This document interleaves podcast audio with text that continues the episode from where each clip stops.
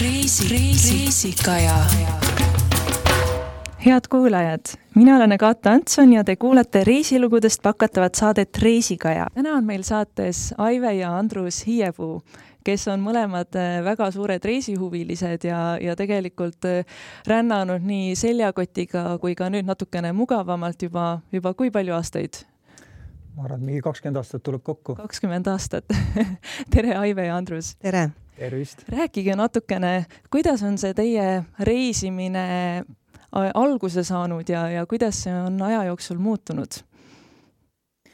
no ma arvan, et kõik asjad hakkavad pihta nii, et hakkad, hakkad esialgu natukene reisima ja ma mäletan, et kunagi oli eesmärk, et käiks kõik Euroopa riigid läbi. Ühel hetkel, kui Euroopa pooled riigid olid läbi käidud, siis hakkas nagu selline mõte tekkima, et on ju midagi muudki, kus käia. et äh, ja nii me jõudsime ka väljapoole Euroopat ma mäletan nagu väga ära, eredalt veel siiamaani, et kui me olime Chicagos milleeniumi vahetusel, siis ma läksin raamatupoodi ja siis me avastasime seal ühe leti, kus olid siis reas kõik Lonely Planetid, Travel Moonid ja Prattid ja kõik sellised raamatud siis, mis räägivad reisimisvõimalustest äh, igal pool maailmas. ja ma arvan, et see oli see hetk, Äh, millest nüüd ongi umbes kakskümmend aastat möödas, kui, kui me tajusime nagu ära, et maailmas on väga palju kohti, kus käia ja mis kõige olulisem, on olemas juba lausa raamatud, mis soovitavad seda ja, ja, ja, ja kõik palju-palju eeltööd on ette ära tehtud. nii et sealt sai see alguse kas teie olete pigem sellised äh, raamatu järgi reisijad või, või nüüd otsite ikkagi pigem internetist, kuhu, kuhu võiks minna? nii ja naa, mitut allikat tuleb vaadata, ega ainult Lonely Planeti najal kindlasti hakkama ei saa ja meil on selline hea, hea tava tekkinud, et alati, kui kuhugile kaugemale läheme, siis me üritame ka Eestist leida üles mõne perekonna, mõne inimese, kes seal on käinud, me kohtume nendega, vestleme ja nendest inimestest on meie head sõbrad siiamaani, kellega me, kellega me koos käime, et nagu selline juba hea seltskond on tekkinud, kellega alati nendel teemadel saab vestelda mis riikides te käinud olete või mis on käimata pigem või noh, mis on nagu sellised piirkonnad, mis, mis on teid kõige rohkem kütkestanud? vot see sõna piirkond ongi tegelikult õige mõiste, sellepärast et me ei ole kunagi võtnud sihiks ühte konkreetset riiki, vaid püüdnud avastada piirkonna ja võtnud selle ajaloolise konteksti tavaliselt lähtekohaks, kus me siis vaatame, et mis see piirkond oli olnud ajalooliselt.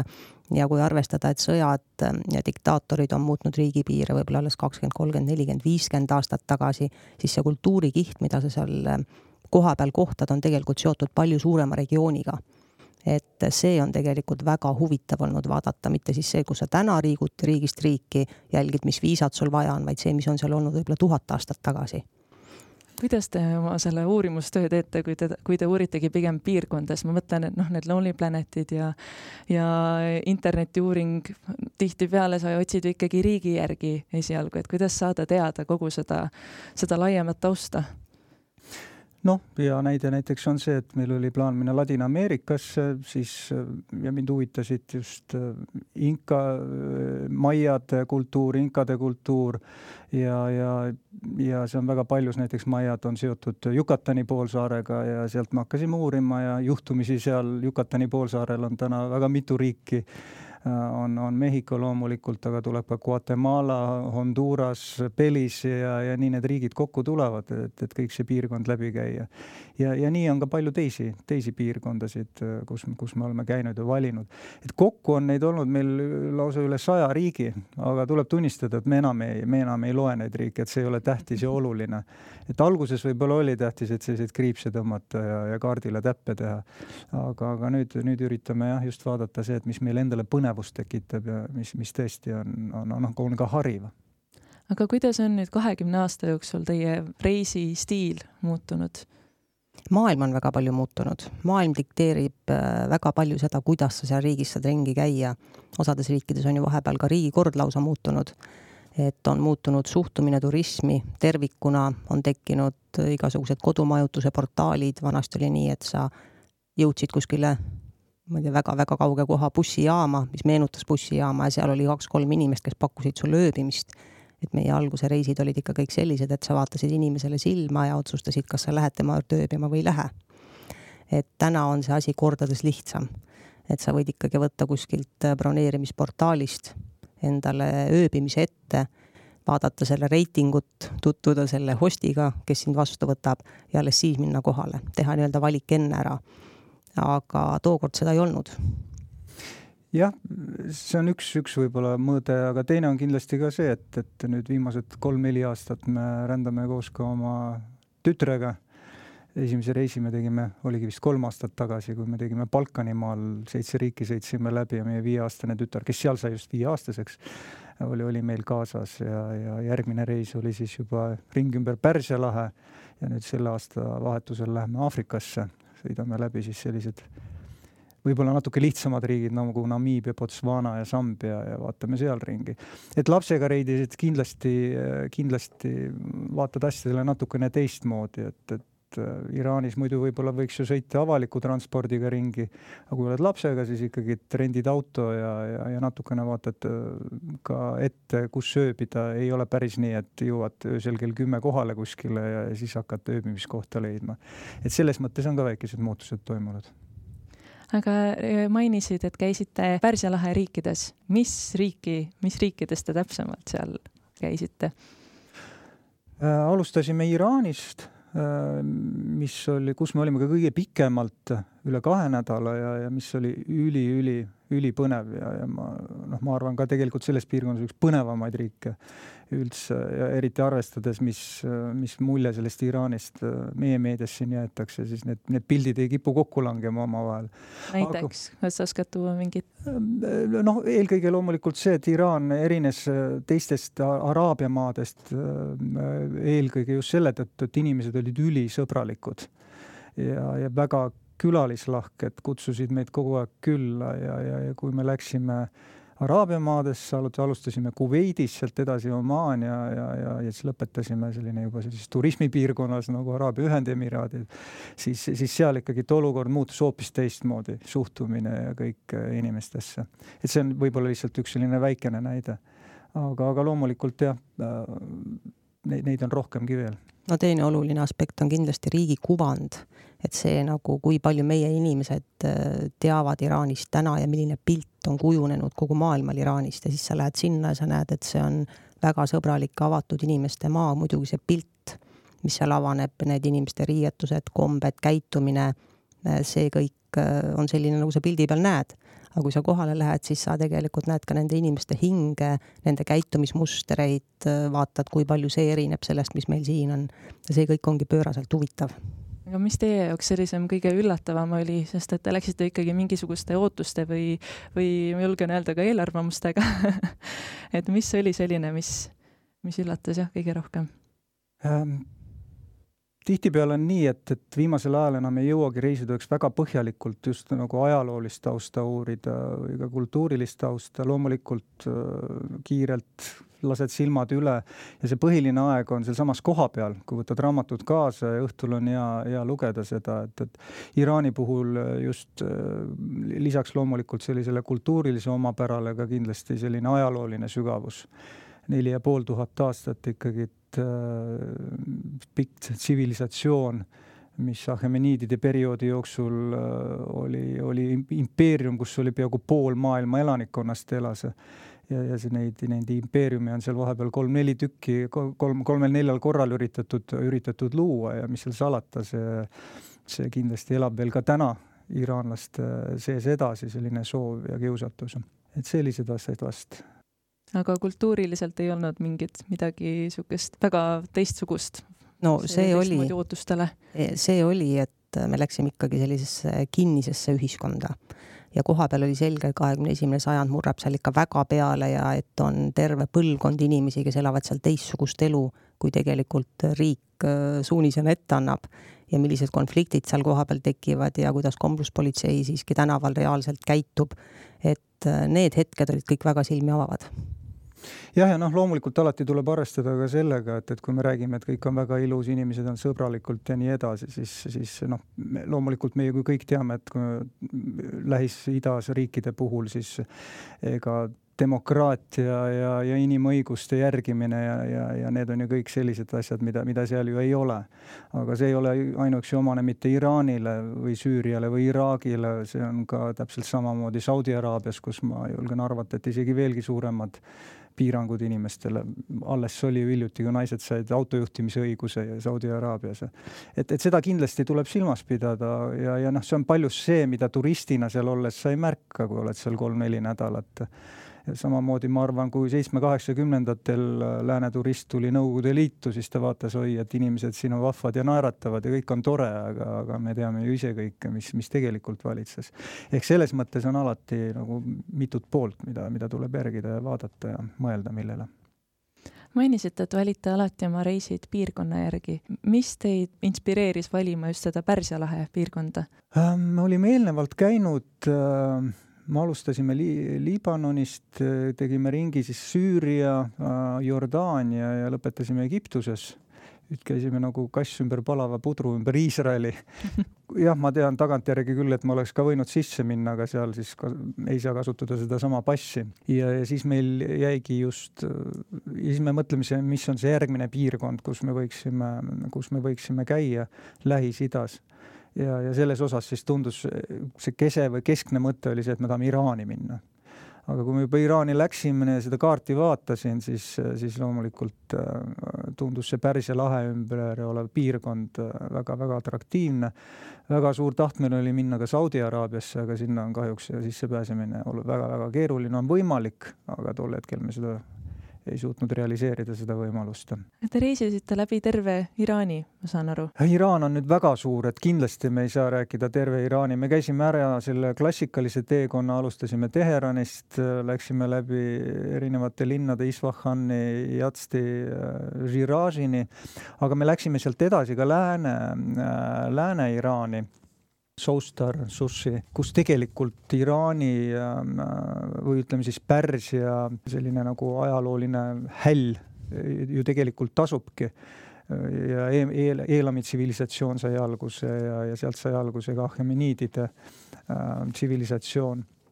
ehk me läksime ajas tegelikult nagu tagasi ehk, ehk need piirkonnad käisime läbi, aga Iraan on loomulikult oluliselt, oluliselt suurem, kus käia, et ma arvan, et me selle aja jooksul suutsime pisikese killukese ära puudutada ja, ja näha, mis seal toimub. mis teile seal kõige rohkem muljet avaldas? noh, tütar ütles meil peale seda reisi, et need äh, printsessi lossid ehk siis need on tõesti muljetavaldav, et kogu see arhitektuur, mis seal sind nagu vastu võtab ja noh, rääkimata Isfahani keskväljakust koos nende paleedega, see on, see on tõeliselt võimas, suured mošeed, nii seest kui välisvaated, vaibamaailm, Iraani vaibamaailm on üks maailma kõige värvikamaid.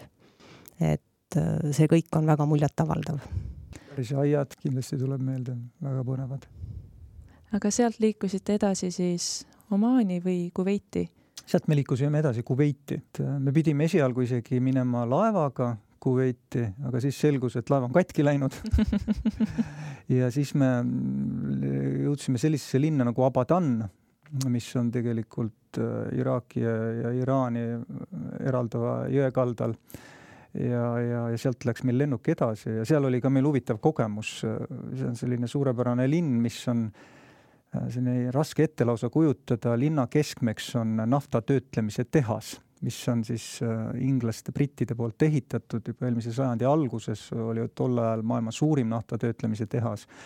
ja, ja kui me oleme harjunud seda, et tehas on kuskil äärelinnas ja siis on linn kuskil eraldi, siis see linn oli ehitatud ümber naftatöötlemise tehase, miljonilinn nii et sa teed hommikul akna lahti ja vaatad ka kõrgeid äh, tornisid ja seal siis seda suitsu tuleb ja tuld sealt nendest tornidest, et väga-väga ko huvitav kogemus. Ja, ja siis sa loomulikult saad aru, et sa oled riigis, mis sõltub väga palju nafta tootmisest, mis on üks maailma suurimaid naftatootjaid ja ka sellest väga palju sõltub aga sealt jah, me lendasime lennukiga edasi Kuveiti, sest tegemist on ju väga väikse riigiga ja, ja, ja, ja oli ka nagu arusaam, et kui me nüüd sinna ei lähe, siis meil jääb see koht käimata, et, et käime ikkagi enne Omaaniga Kuveidis ära Kuveit on ju samamoodi tuntud kui ühe suure-suure, noh, mitte no, pisikese, aga, aga olulise naftariigina. et kuidas te tundsite, et see nafta seda väikest riiki mõjutanud on? Oi-oi, see, see, need muudatused, mis seal on toimunud, on, on meeletud, sest Kuveit on ju suuruselt, kui ma nüüd ei eksi, kuues äh, naftatootja maailmas. ja, ja Kuveit tekkis ju üldse tegelikult üheksateistkümnenda sajandi lõpul, kui, kui Suurbritannia abiga ta Iraagist eraldati. ja, ja ja sellel hetkel, hetkel ja ajal tegelikult britid ei teadnud, et seal naftat selles piirkonnas on ja see oli alles tuhat üheksasada kolmkümmend neli, kui, kui seal nafta avastati ja tegelikult kõik see, mis nüüd selle viimase kaheksakümne, üheksakümne aasta jooksul seal on toimunud, on toimunud absoluutne metamorfoos, et, et kui seal veel kaheksakümmend, seitsekümmend aastat tagasi oli tühi väli, kalurikülad, peduiinitelgid, siis, siis täna see, mis sinna kõik on ehitatud, on meeletud magistraalid, kõrghooned, pooleteist kilomeetri pikkused kaubanduskeskused. et, et see, see on, see on meeletu. aga mis peduiinidest saanud on? Jaa, nendega on võimalik ka tutvuda väljaspool ka pealinna, aga, aga jah, neid on, meie saime ainult museaalsel tasandil nendega kokku, aga, aga üha vähem ja vähem loomulikult aga, aga Kuveidi puhul ma tahaks ka rõhutada seda või tuua selle välja, et, et kui sellist mastaapidelt äh, Omaan on näiteks väga oluliselt inimnäolisem, ei ole selline kõrgehitised ja, ja sa võid jalakäijana kergelt igal pool ringi, ringi liikuda, siis Kuveit on ikkagi puhtalt selline, nagu tihtipeale Ameerikas seda kohata võib autodes linn ehk, ehk jalgsi seal sisuliselt käia ei saa, isegi kaubanduskeskuse ette on tehtud kõik selleks, et sinna ilusti ja hästi autoga saada, aga jalakäija peab kuskilt läbi mingi tagateede minema ja, ja käima, nii et tuleb võtta takso jälle ja sellega ringi liikuda, et, et ja, ja, ja see on ka riik, mis väga palju ei ole tahtnudki mõelda turistide meelitamisele. aga seal on huvitav ära käia mida seal võiks siis eh, näha või kogeda, kui see turistidele otseselt eriti mõeldud ei ole? Kuveidis on eh, väga huvitavad muuseumid et kelle jaoks need siis on? kas kohalikele? seal oli paar inimest sees, me käisime ajaloomuuseumis, kus on kogu see brittide taust kirjas, seal on tore teletorn, me leidsime väga ilusa ja armsa vaipade muuseumi, kus räägiti nagu laiemalt sellest kultuurist ja, ja toodi ka igasuguseid keraamilisi ja metallinõusi välja. et kunsti seal on, seal on head restoranid, korralikud hotellid, väga korralikud hotellid, väga hea ostu võimalus, kellel on soovi shoppinguks. et muud ma ei oskagi esile tuua. suur akvatoorium. väga suur akvatoorium. lapsele eriti meeldis. kolm, kolm-neli päeva võiks ja. olla see piir, mis nagu ammendab kas, kas ta on siis nagu pigem Dubaiga sarnane või Emiraatidega? väiksem, ta on väiksem, kompaktsem mm, -hmm. et ta jätab mugavama mulje. ütleme nii, et, et Dubai, Emiraadid äh, on, on selgelt turistidele orienteeritud mm., Kuveit seda ei ole ja kuigi jah, tehakse ka ponistusi selles osas, sest see naftaajastu võib ühel hetkel otsa saada ja tuleb raha ka teistmoodi riiki tuua. aga üks, üks nagu väga-väga äh, huvitav asi, mida me Kuveidis kohtasime või tõdesime, on see, et, et kui meil on ikkagi alati olnud võimalus erinevates riikides kohata põliselanikke, nendega mm. vestelda ja olla, siis Kuveit vast on nagu esimene riik üldse meie jaoks, kus meil sisuliselt ei olnud võimalik ühegi põliselanikuga, elanikuga vestelda. ja põhjus on tegelikult väga lihtne, põliselanikke on umbes kolmkümmend protsenti rahvastikust kes siis ülejäänud? ülejäänud on sisse rännanud majandusmigrandid, kes teevad ära siis selle tegeliku töö seal riigis. ja, ja nii on, sa lähed lennujaamas, läbid kontrolli, on, on, on sisse tulnud see tööjõud, sa lähed, istud taksosse, sa lähed hotelli ja on, kui hotellis keegi oskab üldse sul kuhugi juhatada, sest kõik on sinna alles või sisse tulnud või, või mingil ajal või, või, või, või kui ongi pikemalt olnud, siis väga-väga ei huvitu sellest, mis neist kilomeeter kaugemal seal toimub ja juhtub ja, ja sa näed neid kohalikke sisuliselt kaubanduskeskustes või mingi auto akende läbi ja, ja nii edasi. kuidas te suudate era-, eristada, kes on nüüd kohalik ja, ja kes on siis äh, sisse rännanud? see on nüüd nagu see koht, et kui, kui Iraanis äh, kohalikud inimesed üritavad üsna palju nagu nii-öelda läänelikult välja näha ja, ja, ja see on ka mingis mõttes selline oluline ideaal nende jaoks, siis Kuveidis on, on vastupidi et, et selleks, et tõmmata nagu väga selge joon selle vahele, et, et sina oled majandusmigrant ja siia sisse rännanud ja mina olen siin põliselanik, siis need põliselanikud käivad ringi siis selgelt oma traditsioonilises riietes meestel on siis need maani ulatuvad lumivalged distašad ja naistel on siis rõhutatult mustad abaiad seljas ja tihtipeale ka kogu nägu, nägu looriga kaetud.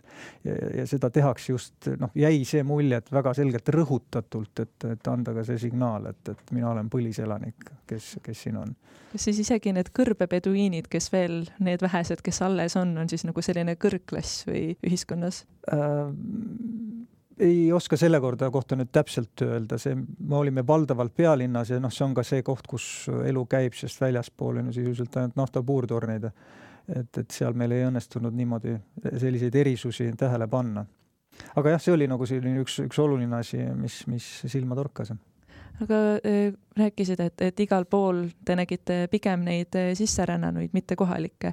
et nendega te kindlasti ka suhtlesite, mis on nende arvamus sellest riigist äh,? Nende arvamus on väga selge ja konkreetne, et, äh, et noh, nad selgelt, selgelt tõdevad seda ja aduvad, et, et nad ongi lihtsalt tööjõud ähm, ja lausa ütlesid, et meid peetakse siin lausa loomadeks, mitte inimesteks neil ei ole nagu võimalust sinna riiki jääda ja nendest hüvedest osa saada. noh, eks valdavalt need inimesed ju kõik on tulnud sinna selliseks hea elu peale, esialgu arvavad nad kaheks-kolmeks aastaks, mõned on jäänud kümneks-kahekümneks aastaks. ja, ja, ja, ja noh, kuna on tegemist autoritaarse riigiga, siis isegi see, kui sa oled sündinud selles riigis, ega siis kodakondsust sa ei saa, see kodakondsus liigub ikkagi vereliini pidi. et elu ei ole lihtne et kui me vaatame ka meie Kalevipojadki, kes siin käivad äh, ja lähevad võib-olla aastaks Soome või Rootsi, jäävad sinna võib-olla mõni kogu eluks, siis, siis see vahe, palgaline vahe on ikkagi siin võib-olla kahe-kolme-neljakordne, siis seal on ju ikkagi vahe kõrvalriikidega lausa kümnekordne, nii et äh, olukord on hoopis teine. aga kui kallis oli seal ringi reisida nüüd eestlase jaoks? Kuveidis siis või mm. üldse piirkonnas? suhteliselt kallis, ta on ikkagi selline Lääne-Euroopa üks tipptase. sõltub ka sellest, mis hotelli sa võtad, aga taksohinnad on natuke kallimad kui meil. ööbimine on selline äriklassi hotelli hind, isegi kui sa võtad keskklassi hotelli. Äh, ostukeskused sisaldavad suures osas äh, väga kõrgeklassilisi brände, need hinnad ongi sellised. inimesed ostavad väga palju, perekonniti käivad seal, et on ka selliseid lihtsamaid turge aga seal kauplevad suures osas sisserännanud äh, inimesed, mis siis enda kultuuri kontekstis toovad sinna, eriti just India, Bangladesh näiteks. ja, ja nemad siis kauplevad enda käsitööga, et endale natukene lisa teenida. aga liigume nüüd edasi Omaani. et Omaan on üks, viimasel ajal äh, reisiajakirjades soovitatakse tohutult Omaani sellise uue, põneva, eksootilise sihtkohana. mis mulje teile Omaan jättis? Väga hea mulje. Omaan on väga vaheldusrikas, turvaline, mugav, eripalgeline ja seal on ka kultuuri, mida vaadata. et Omaan on tõesti meie, meie silmis väga kõrge reitinguga, meil oli seal väga huvitav kui te nüüd võrdlete võib-olla Iraaniga, mis oli teie, teie reisi esmane sihtkoht, siis eh, kumb teile rohkem meeldis? no minule kindlasti Iraan oli see, mis, et, et võib-olla kui oleks esimesena Omaani läinud, siis oleks ka Omaan võib-olla teise tähenduse saanud, aga kui me tulime Iraanist, siis, siis, siis kindlasti Iraani mõju oli meie jaoks väga tugev. aga kahtlematult eh, Omaan on väga, väga huvitav riik ta on täiesti teistsugune või teistsugusem riik kui, kui, kui teised riigid, kes seal kõrval, kus me käisime. ja, ja väga põnev ja, ja see, et sinna soovitakse minna, siis ka meie kindlasti soovitame aga mida te seal avastasite, mis paikades te käisite? Omaanis on eriti hea see, et sa võid seal ähm, nautida linnapuhkust korralikus hotellis, sa võid käia väga huvitavatel matkaradadel, seal on piisaval hulgal ajaloolisi äh, kohti, mida külastada, ilusaid vaatamisväärsusi ja seal on väga huvitavaid turge, nii et sa saad nagu ühes riigis neli-viis asja korraga ja seda kõike väga mugaval liikumisviisil, et iga nurga peal ootab sind mingi firma, kes pakub sulle neljarattalist džiipi, sõitmaks kuskile liivatüünidesse, ööbimaks kuskil Kaamelite külas. et äh, seal on tõesti mugav reisida ja lihtne ja võib-olla sellepärast meile ka Iraan meeldis rohkem, et seal pidi väga palju vaeva nägema, et üldse mingi sellise äh, sihtkohani jõuda ja tavaliselt sellised rasked katsumused, kui sa edukalt nendest välja tuled, need jäävadki rohkem meelde. et Omaan on äh, lihtne, kerge, samas väga põneva taustaga sihtkoht.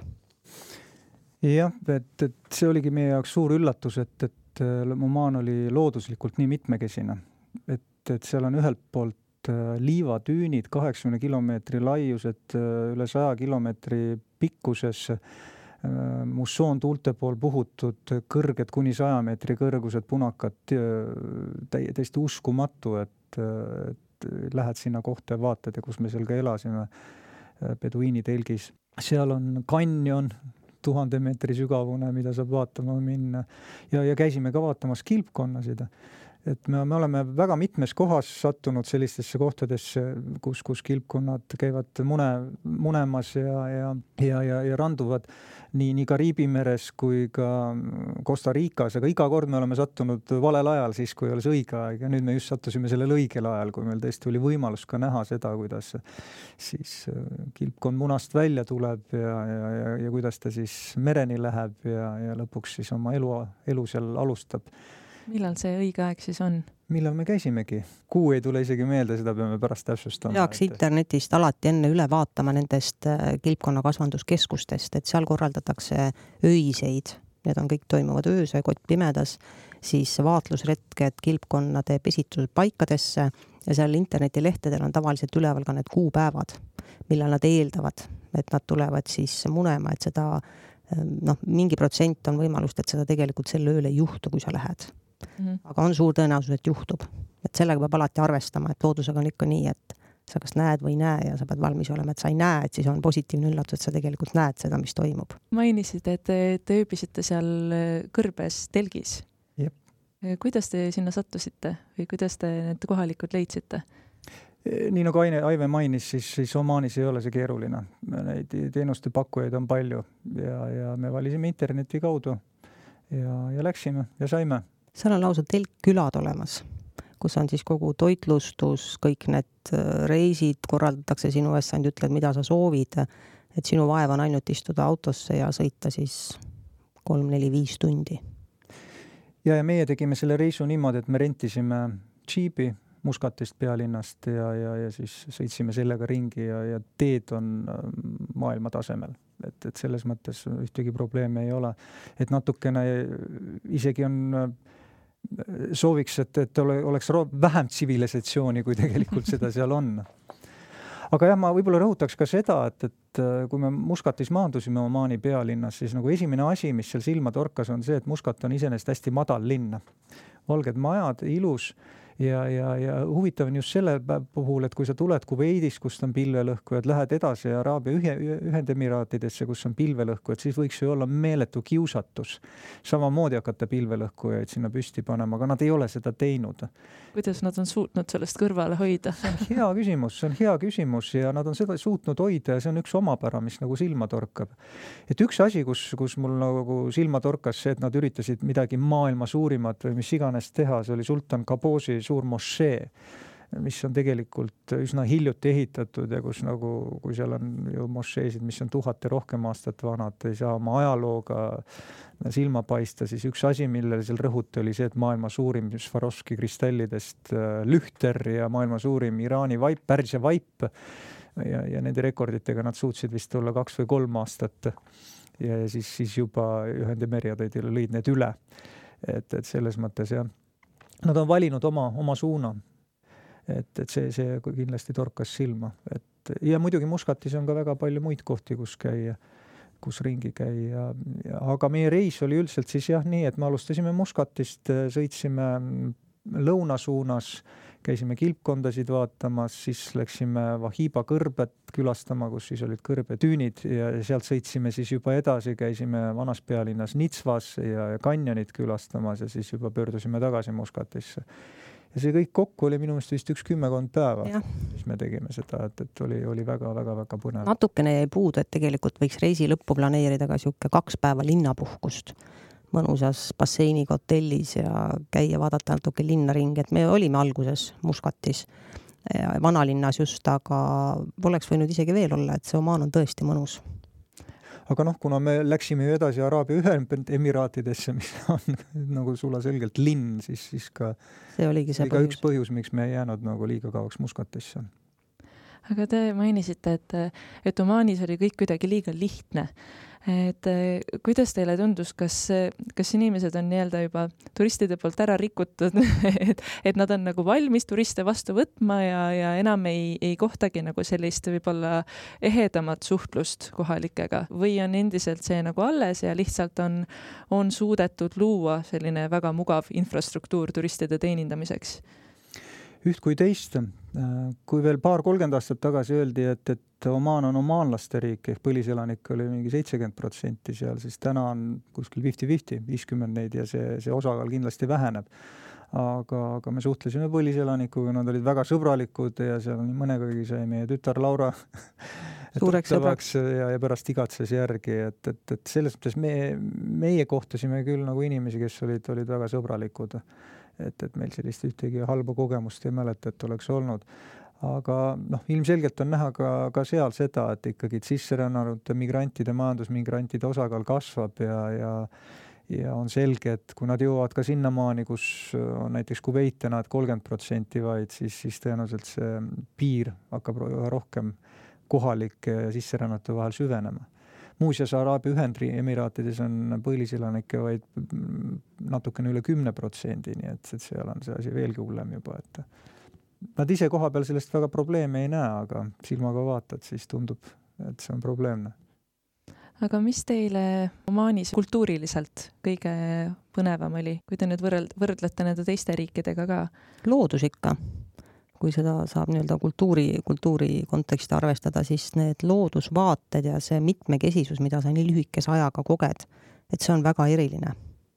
kõrguste vahed, ütlen, seal on kõrb ja sinine laguun, kus ujuda saad sisuliselt kõrvuti et kus see sinine laguun asub selline? noh, meil õnnestus käia, kui me läksime Ras Al Khadi mm, sellises Bimmahi kar-, karstilehtris, mis oli selline väga huvitav kogemus, kus lihtsalt selline maapinnalt sisse langenud auk ja, ja see põhjas on vesi ja, ja saime ujuda, aga, aga väga palju käisime ka nii-öelda oaasides.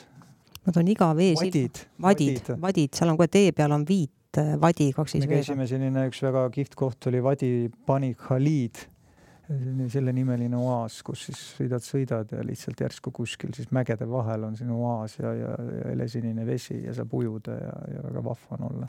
kas nendes oaasides elavad inimesed ka või, või milline, milline üks tõeline kõrbeoaas välja näeb? see koht, kus meie käisime, kus me neid olime, siis noh, peab, kahjuks tuleb öelda, et oli päris palju sellist turismi infrastruktuuri ja, ja, ja ja me nägime seal turiste ja ka kohalikke inimesi aga ajalooliselt loomulikult need on sellised strateegiliselt olulised kohad, kus on joogivesi ja, ja, ja kus on inimesed elanud ja, ja olnud. aga seal on ka väga toredaid selliseid koduhotelle, väga autentse etnilise sisuga. ja neid koduhotelle leiab ka lihtsalt ja. internetist, Airbnb-s ka? vaevalt. internet oli seal küll päris levinud, aga mitte ikkagi sellisel tasemel kui meil Booking.com oli vist see koht, kus me panime neid kinni, siis ma tean, et Iraanis kindlasti Airbnb oli, on lausa keelatud, aga Omaanis minu meelest paar kohta olid, siis äh, eksperdid, kes sinna sisse olid rännanud, eurooplased äh, pakkusid, aga mm, mingil põhjusel me leidsime, et need ei olnud piisavalt atraktiivsed kohad, kus olla. mis on oluline nõuanne, on see, et kui sa nagu paned koha kinni booking us ja vaatad selle koha nime, siis meil ühe kohaga sattus nii, et täpselt sama nimeline koht oli tegelikult kakskümmend viis kilomeetrit eemal sellest, kus me tahtsime ööbida.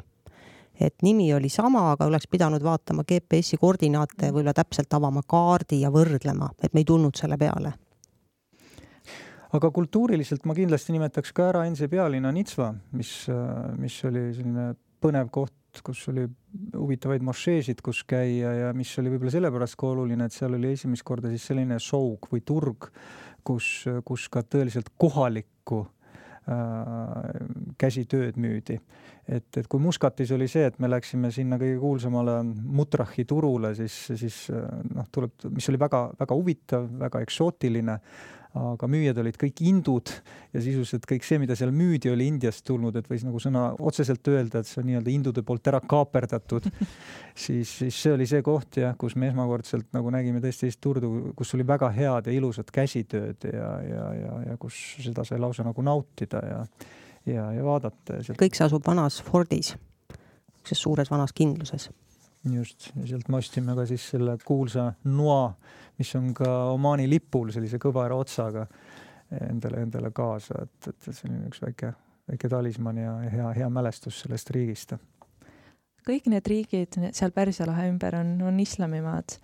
Eh, kuidas te tundsite religiooni kohalolu ja, ja kuidas te võrdleksite neid erinevate riikide vahel, kus te nüüd käisite? no kindlasti on suur erinevus eh, nüüd Pärsia ehk Iraani ja, ja muu Araabia maa vahel, et, et noh, alustame sellest pihta, et väga palju eurooplaste jaoks tundub, et, et, et pärslased on ka araablased. ei ole midagi hirmsamat, kui öelda iraanlasele, et, et, et ta on araablane, et, et noh, nende jaoks teil väga selgelt jookseb joon nende kahe asja vahelt ja räägivad nüüd ju, ju iraanlased ka mitte araabia keelt, vaid farsi keelt. ja, ja kui iraanlased on siis meil šiidid ja, ja kõige suurem just šiidide asuala ongi just Iraanis siis, siis ähm, muu, muu Araabia maailm on valdavalt äh, sunnid. ja, ja, ja seda vahet äh, eriti iraanlased nagu rõhutavad väga tugevasti ja, ja mis on nagu huvitav vähemasti, mis minul oli ja millega ma seal tutvusin koha peal, siis, siis pärslaste algne äh, usk ja religioon on ju zaraotrism. et et, et ka neile on tegelikult islam kuuendal sajandil, kuuendal-seitsmendal sajandil tule ja mõõgaga sisse toodud et see ei ole nende algne, algne usund ja selle saravotrismiga saab seal nii mõneski kohas Jatstis eriti ja kokku puutuda ja see on väga-väga põnev. ja, ja, ja, ja, ja seetõttu nad peavad ennast teistsugusteks moslemiteks kui ülejäänud Araabia maailm. et seda, seda joont on nagu seal vahel väga selgelt näha. aga kuidas reisija jaoks need erisused avalduvad? kas üldse avalduvad või kuidas teie tundsite seal, seal reisides, kas see kas see religioon seadis kuidagi mingisuguseid piiranguid? no igasugune kultuuriline kontekst, sealhulgas religioon, seab piirangud, et kohalikud tavad on need, millega tuleb ennem kindlasti sellisesse piirkonda minekut ennast kurssi viia ja kui sa lähed külla, siis sa arvestad äh, nende kommetega. et see kõik ongi osa sellest kogemusest, mis sa saad. muidugi on see väga tuntav ja see, see on üks asi, mida me siin otsima läksimegi aga oskate tuua mingeid näiteid, mis olid need, mille, millega te arvestasite ja mis te pidite, mille kohta te eeltööd tegite? ei no see on kõik äh, igapäevane riietus kasvõi on ju, et see, et sa katad ennast, see, et su juuksed ei paista välja. ja kas see oli siis kõikides nendes riikides? Iraanis kõige rohkem, Iraanis, et äh, Iraanis absoluutselt ja Kuveit oli esimene riik, kus ei pidanud kandma naisterahvat ja kus isegi oli näha meesterahvaid lühikestes pükstes et ja, ja Omaan oli jälle grammi võrra veelgi vabameelsem veel ja, ja, ja, ja siis loomulikult Araabia Ühendemiraadid, siis seal on juba ju rannad, kus saab tavalise valge inimesena käia lühikestes pükstes ujumas ja nii edasi, et. Omaanis saite ka käia, käia ikkagi ujumas või, või pidite valima selleks hotellialad? me käisime sealsamas Karsti lehtris ujumas mm -hmm. ja, ja käisime ka vadides ujumas, et nendes piirkondades ei olnud probleemi kui te nüüd läksite Araabia Ühendemiraatidesse, mida te seal avastama läksite? sest teie olete sellised noh, tõelised rännusellid, et ma ei, ma ei kujuta väga teid kuurordis puhkamas ette et mida, mida teie tegite seal? me ei läinudki kuurordisse, me läksime tegelikult tutvuma selle linnaga. et äh, linnaga ja lihtsalt vaatasime seda rannajoont, käisime Burj Khalifas, et vaadata sealt alla, kust maalt siis kõrb jookseb, kuidas on nii-öelda inseneri seisukohalt see linn üles ehitatud ja, ja see on ikka väga muljetavaldav. et kui lühikese ajaga ja millise tasemeni on suutnud nagu üks kõrbeoaas ennast kasvatada. et pigem see kogemus, et me ei võtnud aega, et kuskil kuurordis olla, mida oleks võinud vabalt teha, kui oleks veel olnud neli-viis päeva selle reisi otsas, et võib-olla kunagi me lähme sinna eraldi selleks, aga selle reisi osas ei olnud. Te piirdusite Dubaiga pigem? Jah. Jah, et või võib-olla lisaks ka seda juurde, et miks selline valik, et siis, siis tegelikult me oleme, me oleme peaaegu kõikide reiside puhul teinud nii, et, et kui me reisi lõpetame, siis me üritame selle reisi lõpuks valida siis mingi sellise koha, kus on nii-öelda pehme maandumine läänemaailma tagasiminekuks, et kui käisime Kagu-Aasias, siis lõpeta-, käisime, lõpetasime Singapuris, kui käisime Lõuna-Hiinas, siis Hongkongis ja, ja, ja, ja, ja noh, niimoodi, niimoodi samamoodi ka selle reisi puhul, et mõtlesime, et võtame siis Dubai selle, kus me lõpetame. et see oli tegelikult võib-olla see, see üks põhjusteks, miks me läksime, et me jah, me ei läinud sinna ranna, rannamõnusid nautima, vaid, aga põnev linn ja iseenesest väga hea koht, ähm, kust minna külastama Pärsia lahe ümber olevaid riike, et kui korraga seda teha ei saa, siis väga head lennuühendused, käia Iraanis, käia Kuveidis, käia Omaanis, Kataris, kõikides erinevates kohtades, eriti Omaan, kus noh, Põhja-Omaanis juba igal pool kõikidel aut-, autodel olid seal Ühendemiraatide numbrimärgid. et, et selles mõttes on väga hea selline gateway piirkond. isegi liinibussid lähevad, me tulime ka Omaanist liinibussiga Dubaisse, et et äh, see on väga hea ühendus, korralikud bussid ja väga efektiivne. mitme tunni tee see on? kas oli kuus-seitse tundi mm, -hmm. täpselt enam ei mäleta. vahepeal on piiriületus ja. piiriületus, jah mm. -hmm. ja mis teie järgmine reisiplaan on, mis piirkonda te nüüd lähete?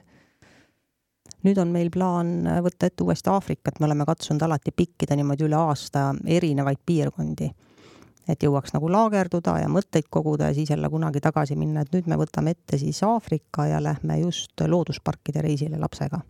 et Namiibia, Botswana ja Sambia on seekord plaanis. ja te olete juba käinud nendes samades riikides ka või ei ole veel? üritame jah, et maailm tundub liiga, liiga palju veel käia, et, et, et ühes ja samas kohas mitu korda käia.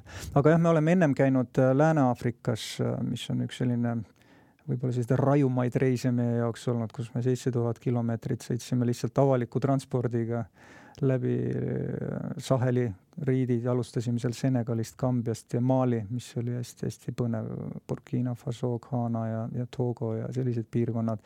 oleme käinud Ida-Aafrikas, sõitsime ümber Victoria järve, Keenia, Tansaania, Rwanda Uganda ja lõpetasime hoopis Etioopias ja need piirkonnad ja, ja nüüd me läksime lõuna suunas, et mina olen ennem käinud küll üksi ka Lõuna-Aafrika Vabariigis, aga see, millel on siis piir Botswanana ja Namiibiaga, aga jah, nendes, nendes konkreetsetes riikides, kuhu me nüüd läheme, me pole ennem käinud. seekord on see huvitav aspekt, et me tahame minna telkima. et kolm nädalat ja võtame siis auto, kus telk on katusel, ühe telgi saab maha panna ja katsume siis käia niisugusest kämpingupiirkonnast kämpingupiirkonda ja mitme inimesega te sellist reisi korraldate? võtame kaks väikest peret, meie ja siis üks pere lisaks, kus on ka laps. et tuleb selline turvalisem Aafrika reis? ma ei oska, loodame, aga Aafrika puhul ei tea ju kunagi, sellepärast vahemaad on neli, viissada, kuussada kilomeetrit, mis tuleb ühes päevas läbi sõita. et äh, kõik võib juhtuda, samas me oleme kõigeks valmis. aitäh, Aive ja Andrus! aitäh kutsumast! suured tänud! Reisi, reisi, reisikaja